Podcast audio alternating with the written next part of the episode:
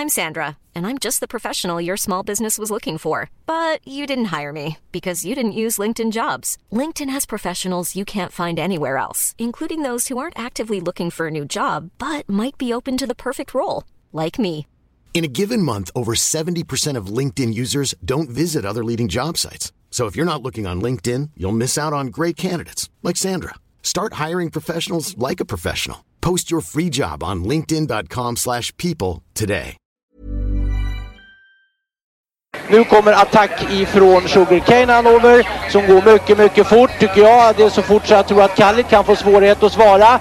Sugarcane Hanover vänder ut och in på fältet. Startbilen är i rörelse till Svenskt travderby 1987. What the horse, what the driver, nummer ett McLobell och John D. Campbell. Resultat av tredje loppet, Elitloppet SAS första försöksavdelningen. Segrare nummer sju, Marcon Lepp.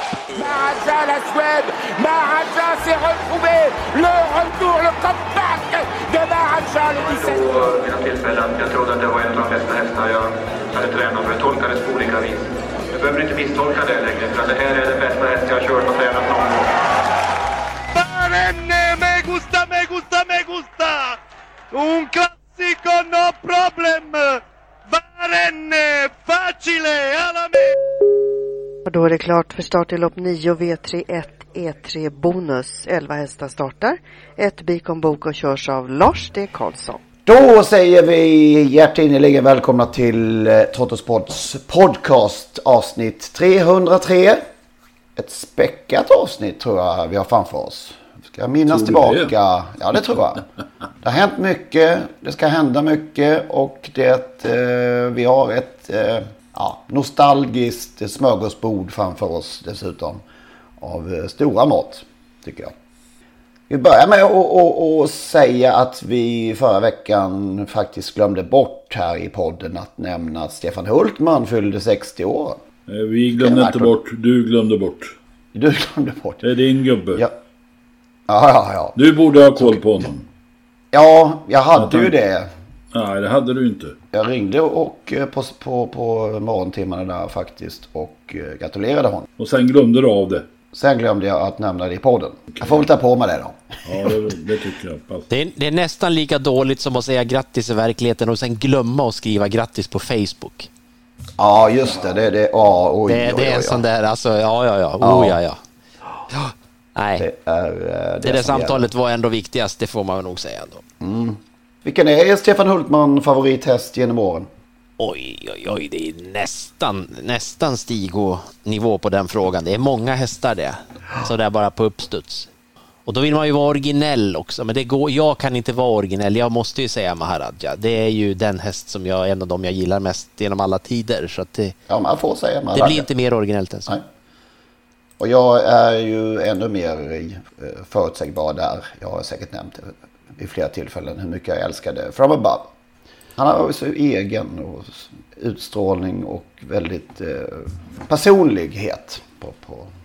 Ja, nej. Ja, jag säger då, jag, jag, jag håller mig lite utanför boxen där. Jag säger Lie Detector. Ja, Hon var så elegant. verkligen. Ja, var en av mina favoriter. Sen klart de här stjärnorna kan man ju tycka om väldigt mycket. Men just hon, hon gav ett speciellt intryck. Fick ju, eh, debuterade på Färjestad, stod 1,50. Örjan eh, hamnade på innespår. Fick en lucka och, och, och eh, kom ut i andra ytter. Men valde att kliva ner igen invändigt och blev, ja, fick fritt sent. Och spurtade som ett jehu till ja, andra platsen. Jag var där. Ja, Okej, ja, du, var, du var det. Okej, du känner igen detta alltså. Ja, jag känner igen det väldigt tydligt. Och det var Ja. så uppenbart att, att det här skulle vara en snäll, snäll körning. Ja. Och du Magnus har koll på vad som hände i Gävle i helgen. Ja, men apropå det där med att glömma bort eh, saker. eh, Du ringde i alla fall till Hultman. Vi däremot sa ju inte någonting alls om den här, det här evenemanget man hade i Gävle, i Bolognerskogen där.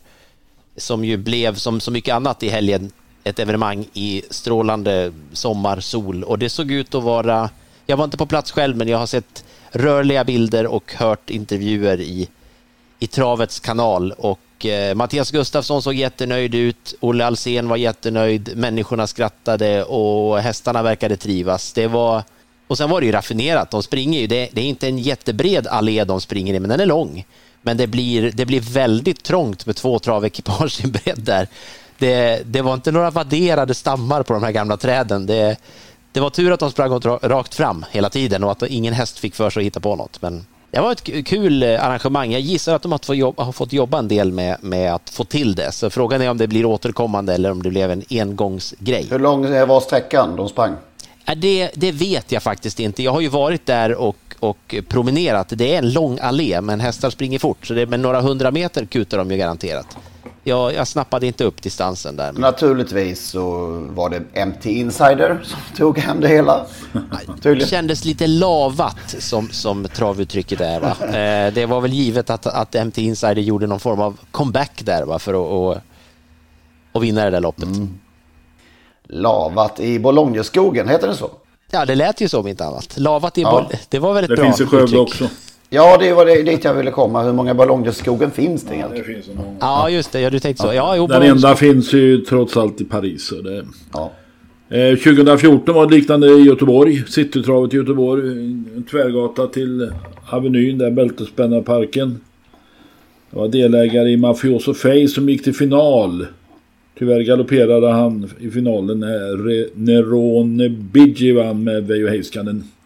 Vem körde Mafioso där? Jag gjorde Lutfi. Ja, Okej, okay. han gjorde det. Han gjorde det. Alltid ja. Lutfi, höll jag på att säga. Ja.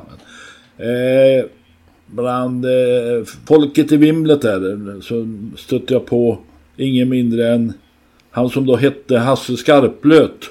Det var innan han blev lord. Mm.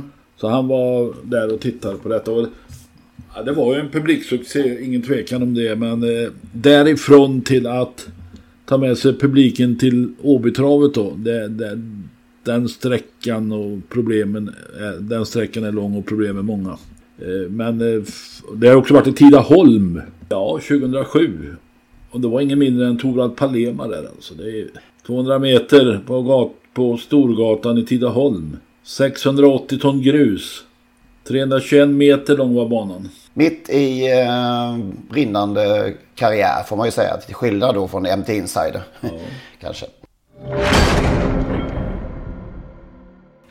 Vart tar vi vägen då då? Ska vi ta oss till um, Jonkers Raceway och VM-loppet? Möjligen. Har ni sett det alltså? Det som man inte fick, fick se? Jag såg det inte i live kan jag säga. Utan efteråt. Nej, på YouTube. Nej, jag har sett sista, jag har sett sista 400 blir det då va? Eh, det var 800 meters bana, så sista 400 har jag sett. Så svängen och upploppet. Okay. Ledde ju hela vägen då, Vivid Weiss Ars. Jag har fått en helt annan, eh, helt annan bild av Vivid Weiss Ars efter att ha sett honom eh, så på nära håll fullkomligt explodera på Jägersro. Jag hade en helt annan bild av honom tidigare, måste jag säga. Det gjorde någonting med mig den där kvällen. Han har många liv, höll jag på att säga, men han, han är, vad är han, 9-10 år? Måste han ju vara nio i alla fall va? Ja, och, och eh, lika pigg som alltid och vann ju där hur lätt som helst. Alltså han, ledningen på, på Jonkers bana är naturligtvis en stor fördel. Han hade ju dock en allvarlig utmanare i, i, i ryggen där hela vägen. Jiggy Jog. Men när han svängde in på uppe så var det en häst då, Dexter Dunn som körde Jiggy Jog. Han försökte inte ens att utmana. Det är ju lite stafettkörning mot honom dessutom så att... Eh, ja, men det, ja. Han fick inte helt vara i fria i alla fall. Nej, och det, var, alltså, det var ingen dålig insats. Han var jätterbra. Men han var ju ja, överlägsen kan man säga. Och tjänade väl 5 miljoner kronor drygt. Det var så pass ja. Och då innebär det att Jigge Jogg då, Jörgen Sparredals häst fick väl hälften av det då kanske. För en liten, uh, ja, ska vi inte underskatta, men, men smög med där och lite... Ja, hon såg fin ut som vanligt och mm. gjorde ett bra lopp men kunde som sagt inte utmana. Men däremot så var det ju många, ja, Etonant var usel och... Ja, så hemskt ut ja. faktiskt. Och jag tänkte på det här att de ville ju inte visa detta ATG och på uppmaning av SD för de här yviga drivningarna för ett år sedan när någon stålde från Italien. Som du kan. Vincenzo Annunciata. Ja. Och därför fick vi inte se det. De ville inte ha spel på det. Om de nu hade hänvisat till de generösa medicinreglerna så hade jag accepterat det bättre. För det ser man ju nu och, det är offentligt då vilka som har fått medicament som är förbjudet i Sverige, i alla fall lång karenstid. Och bland annat då den eh, danska, danske hästen Gatuish Etonant med Banamin. Precis, de fick ju det två dagar, eh, två dygn säger man väl då in, innan, innan start. Och i motsvarande medel då Finadyn är det väl. Eller om det är Flunixin, jag vet inte vilket. Flunixin tror jag att det är. Ja, det är 14 dagar på det i Sverige. Ett akut smärtstillande medel eh, klassas det ju som. Och, eh, som ja. räddade Kallit ska sägas när han vann VM. Okej. Okay. Det var ju det, det medel som ju, eh, Erik Berglöf åkte på 1982. Och fick till att börja med tre års avstängning för faktiskt. Ja, men blev frikänd och kom tillbaka och vann storchampionatet med Brilana. Mm. Men det säger ju någonting här. här. Här är då Bo Westergård eh, har åkt dit för dopning tidigare. Han är nu eh, i, mitt i en process kring ytterligare ett fall som han då nekar till. Och eh, då kanske man för...